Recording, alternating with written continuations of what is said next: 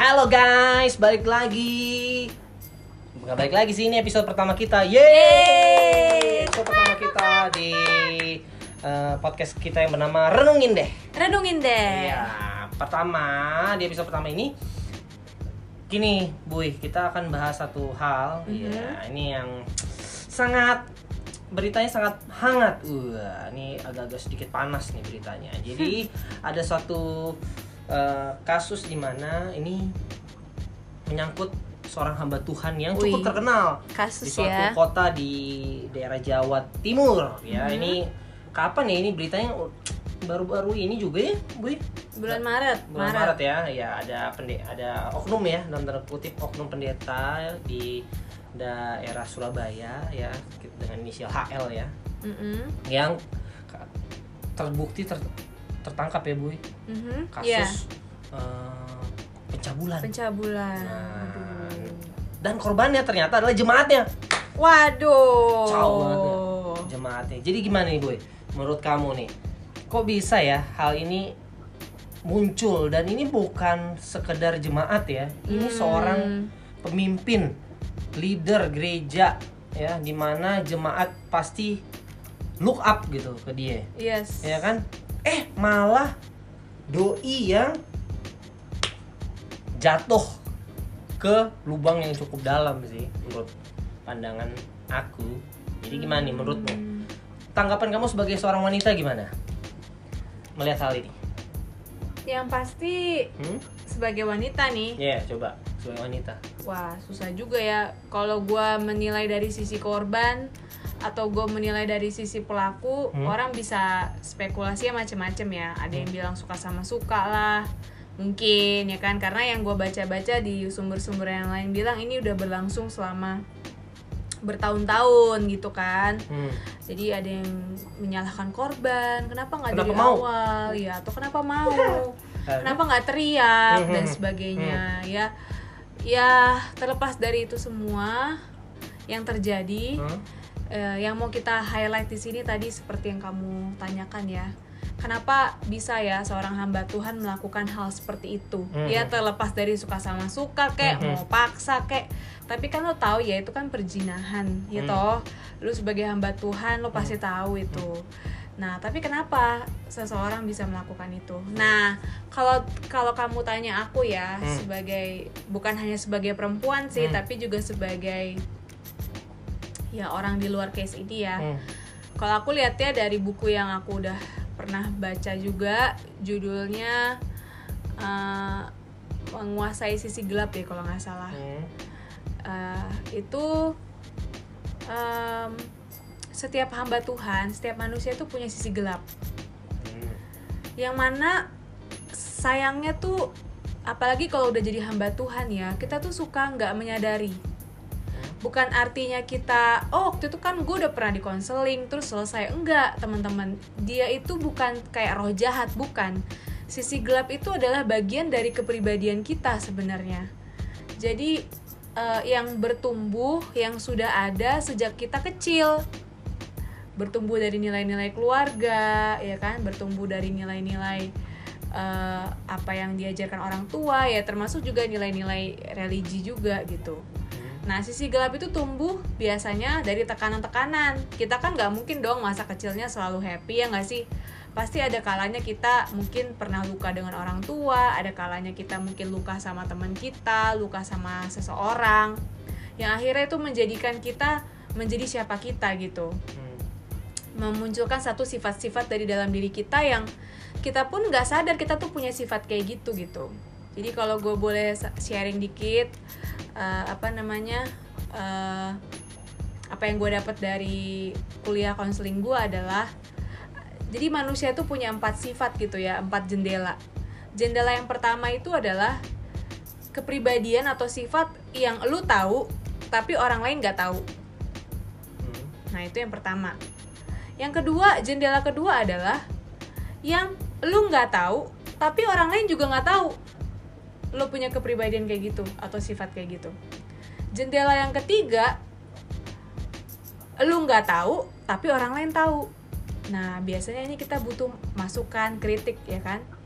kita nggak sadar tapi orang lain sadar atau yang keempat ya apa ya tadi ya kita tahu tapi orang lain nggak tahu eh apa tadi sih kita tahu orang lain nggak tahu gue nggak tahu orang lain nggak tahu uh, gue tahu orang lain tahu sama orang lain tahu gue nggak tahu. Ah itu lah pokoknya ada empat. Jadi kita sisi gelap ini dia itu ada di area yang kita tuh nggak sadar intinya kayak gitu. Hmm. nah jadi banyak hamba Tuhan apalagi udah terkenal. Nah biasanya dia nggak sadar nih dia tuh udah di drive juga sama bagian dari dirinya yang dia nggak sadar ini. Entah itu ternyata dia punya sifat tamak dia punya si ada rasa dari dia pengen selalu menang pengen kelihatan unggul ya. Dan itu nggak selalu berbuah jelek loh bi. Ternyata itu juga bisa berbuah baik. Misalnya karena dia orang yang nggak mau kalah oh dia berprestasi nih di antara pendeta sepantarannya dia. Misalnya dari nilai apa dari jumlah jemaat atau jumlah cabang yang dia buka. Karena dia punya pribadi yang tadi orangnya eh, kompetisi apa suka kompetisi gitu kan. Nah tapi ternyata itu di satu sisi kayak mata koin ada bagian yang eh, jadi nilai buruknya. Tadi nggak mau nggak mau ngalah. Akhirnya apa? Kapan sifat itu keluar? Misalnya kalau dia salah dia nggak mau ngaku. Gara-gara itu. Jadi itu sih nah banyak hamba Tuhan yang nggak tahu dia punya ini. Jadi ini beda ya teman-teman dengan kayak lo dikuasai roh jahat atau apa. Tapi itu setiap manusia punya itu. Dan kita eh, dengan melalui konseling, dengan melalui misalnya lo tes kepribadian atau lo sharing nih misalnya lo punya kakak rohani lo ditegur ya. Lo punya satu sifat tertentu. Ya yang tadi gue bilang jendela manusia tuh ada empat. Salah satu jendelanya adalah yang lo nggak tahu tapi orang lain tahu. Nah ketika orang lain ngasih masukan ya kita terima aja meskipun sakit ya. Karena sering banget kita tuh nggak nggak ngerti.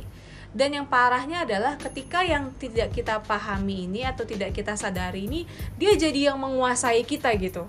Nah dalam konteks si pendeta ini dia itu kalau gue lihat ya nggak hanya pendeta ini doang sih tapi di setiap pendeta yang punya kasus ya biasanya udah pendeta besar. Kasusnya macem-macem.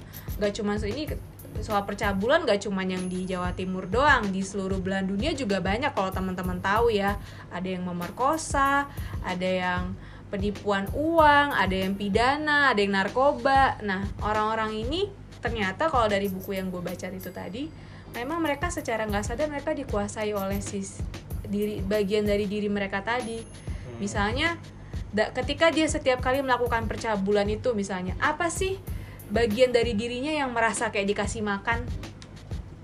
Siapa tahu jangan-jangan penerimaan. Bisa jadi.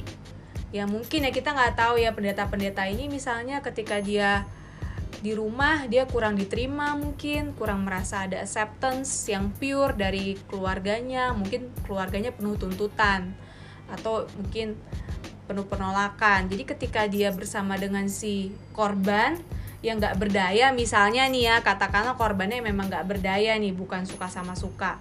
Dia merasa dirinya kayak diterima gitu loh pas dia ngelakuin itu. Makanya kalau kita lihat kasus yang di Jawa Timur ini ya ini kan udah terjadi bertahun-tahun. Dan teman-teman kalau kalian suka follow akun-akun satir tuh di Instagram kalian lihat kan cuplikan-cuplikan bahwa pendeta ini tuh juga dia khotbah loh tentang kekudusan pernikahan Nah itu sih yang kita mau eh, ini mau coba bandingkan gitu. Hmm. Kebanyakan kan ini eh, hamba-hamba Tuhan tuh dalam apa yang mereka sampaikan itu kadang itu juga yang bertolak menjadi belakang ya eh, jadi bumerang bumerang buat nah ya. Nah Iya. dalam kasus ini ya banyak juga khotbah-khotbah beliau ya yang ditampilkan di media-media ya baik di YouTube dan sebagainya malah membahas tentang eh, isu-isu tentang percabulan. Pernikahan. Ya perjinahan juga. Ya. Yang mengatakan bahwa ya pokoknya yang siapa yang berzina itu dosanya bla bla bla bla bla. Eh Nah. ternyata eh ternyata dia sendiri nah. yang melakukan. Nah itu sih yang kita mau sebenarnya mau coba renungin Iya. bahwa eh, kak ini nggak main-main ya. Soalnya dia adalah seorang leader di gereja. Hmm, dan kalau gue lihat beritanya nih di CNN bahwa em, sang korban tuh sudah dilakukan hal yang itu ya. Perbuatan asusila itu usia 9 tahun sejak usia 9 tahun. Dari 9 tahun? Yes. Nah sampai dia bertumbuh besar ya dan telah menginjak umur 26 tahun lah. Waduh. Berarti udah berapa bertahun-tahun gitu loh. Mhm. jadi ini gila ya nggak nggak main-main ya fenomena ini ya. Jadi eh, tadi seperti yang tadi kamu sampaikan bud apa tentang sisi gelap ya. Iya.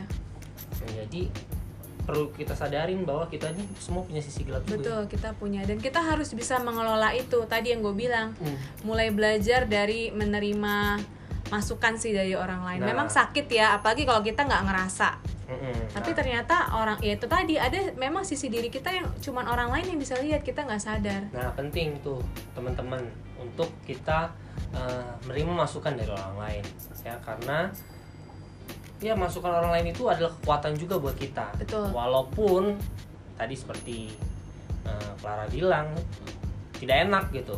Iya. Ilustrasinya gini sih obat yang pahit itu biasanya tuh lebih tokcer daripada obat yang manis. Yang ada rasa rasanya ya kalau zaman dulu kita kecil kan dikasih obat rasa jeruk. Ya kan? Nah sekarang kan kalau kita udah besar udah dewasa ya minum obat tuh semua nggak enak pahit. Ya susah ditelan. Nah tapi efeknya adalah menyembuhkan. Nah Menyembuhkan. seperti itu juga. Mungkin omongan-omongan orang-orang terdekat kita nggak nggak enak gitu menyakitkan ya. Tapi sesungguhnya itu sebenarnya adalah emas buat kita. Betul betul. Nah, lewat fenomena ini eh, apa ya yang kita mau renungin ya Bui? Kalau aku sih mungkin yang jadi perenungan gini sih, tadi yang sam- sambungan aku, karena merasa dirinya mungkin dari sisi gelap tadi ya, ada yang ngerasa sisi gelap medikasi makan tadi, misalnya contoh misalnya ya, mungkin rasa penerimaan, ketika dia mencabuli orang yang nggak berdaya di bawah dia, nggak berdaya itu macam-macam ya, bukan hanya lumpuh fisik, tapi maksudnya secara otoritas, secara kedudukan ya kan? Dia jemaat biasa mungkin atau mungkin keluarganya kenal baik sama pendeta ini akhirnya anak ini nggak berdaya dalam arti nggak berani ngomong dan sebagainya mungkin ya mungkin. Nah eh, bisa jadi karena dia merasa dirinya ada rasa yang dia kayak jadi ada pembenaran gitu loh bi. Aku takutnya kenapa hamba-hamba Tuhan ini berani mengkotbahkan hal yang sebaliknya padahal dia lakukan. Dia ada rasa denial dari dirinya. Jadi kayak ah enggak ah, ini bukan percabulan.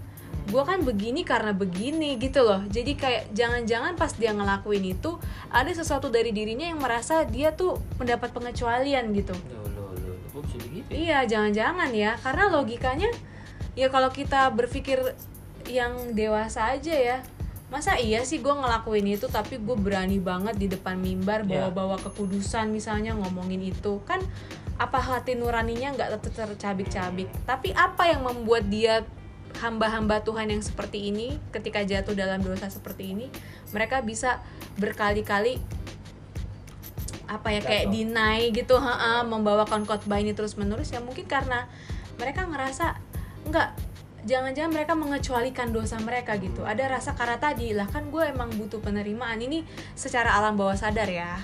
Hmm, ya kalau dari gue baik lagi sih. Panggilan lu sebagai pendeta tuh apa? Nah ya itu juga. Itu sih. banyak Jadi, ya kalau, sisinya ini eh, kompleks. kalau gue bilang ya lu jadi pendeta tuh apa tujuannya? Kalau lu benar-benar terpanggil untuk menjadi pendeta pasti lu nggak akan melakukan hal seperti itu sih. Karena dasarnya adalah lu dipanggil untuk melayani Tuhan menyenangkan hati Tuhan. panggilan ya. Ya perlu sadar betul nih dasarnya apa nih kita? Sebagai pendeta ini apa? Hanya sekedar oh ada uang banyak nih kalau jadi pendeta. Pada diberkati. Oh punya oh, jadi pendeta mobilnya bagus. Mobilnya banyak. Mobilnya banyak. Dapat persembahan ya balik lagi. Aduh lu coba pikir ulang deh. Ya jadi kalau dari sisi tadi wanita yang melihat ya dari Clara juga melihat bahwa itu ada sisi gelap ya gua sebagai cowok yang to the sebagai point hamba Tuhan. dan hamba Tuhan juga dan cowok yang sangat kesal juga melihat kasus seperti ini. Pertanyakanlah diri lu ya kalau lu adalah seorang pendeta siapa pun yang mendengar ini dan lu adalah seorang pendeta mungkin atau hamba Tuhan pertanyakan apakah gue pelayanan apa gue melayani di gereja apa pun itu pelayanan lu apakah itu benar-benar panggilan lu Hmm. atau lu ada motif lain motif lain ya dan hati-hati kalau lu emang punya motif lain selain menyenangkan hati Tuhan hati-hati ada lobang yang akan menanti lu itu sih yang mau gua renungin kalau gue ya Bun, ya. Maksudnya motif sama lobang tuh gimana bi? Ya ada lobang yang akan menanti lu dan lu akan masuk ke situ. Oh. kalau motif lu ya nggak menyenangkan hati Tuhan nggak sepenuhnya sama Tuhan. Hmm. ketika lu berjalan hati-hati ada lobang di depan lu dan lu akan jatuh ke situ. Makanya lu harus wow. bener lu harus lidiki terus uji ya apakah kehidupan kit lu atau gue juga melukai hati Tuhan atau tidak setiap harinya. Itu sih yang gue renungin karena ini balik lagi ke case ini case nya sangat besar dan ya, sangat memalukan Iya, ya, ya, sangat sedih juga bagi Sedih. kita orang-orang Kristen. Wow kalau itu dalam kategori jemaat sih ya oke lah ya tapi jemaat ini sebagai pemimpin ya. Pemimpin dan yang menyebarkan firman. Ya Allah. Iya iya iya.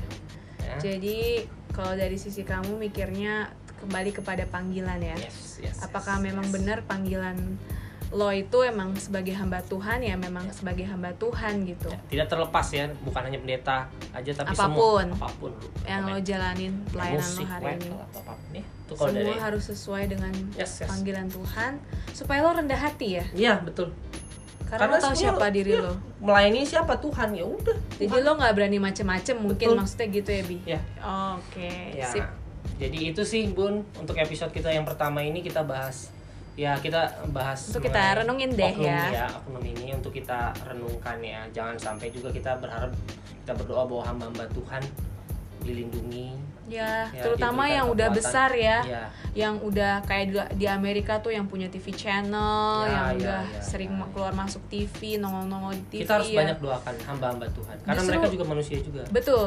Dan semakin besar mereka justru semakin besar lobang-lobang yang menanti ya. Yes betul. Jadi kita harus support hamba-hamba Tuhan. Dan kalau emang dari salah satu di antara kalian ada yang dengerin ini kalian ngerasa kalian menjadi hamba Tuhan yang besar juga ya kalian harus terus menguji panggilan kalian ya. Supaya tetap rendah hati walaupun sebanyak apa pun sesukses apa pun kalian. Hmm.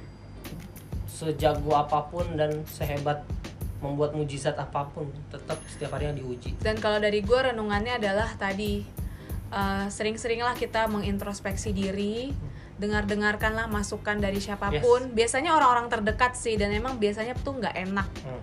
Gitu tajem-tajem bahkan yang kita suka deny karena kita nggak ngerasa. Tapi kalau orang lain ngelihatnya begitu ya berarti memang ada sisi itu. Ya itu tadi sisi gelap tadi. Ya kita nggak boleh sombong itu ya gitu. Tetap rendah hati.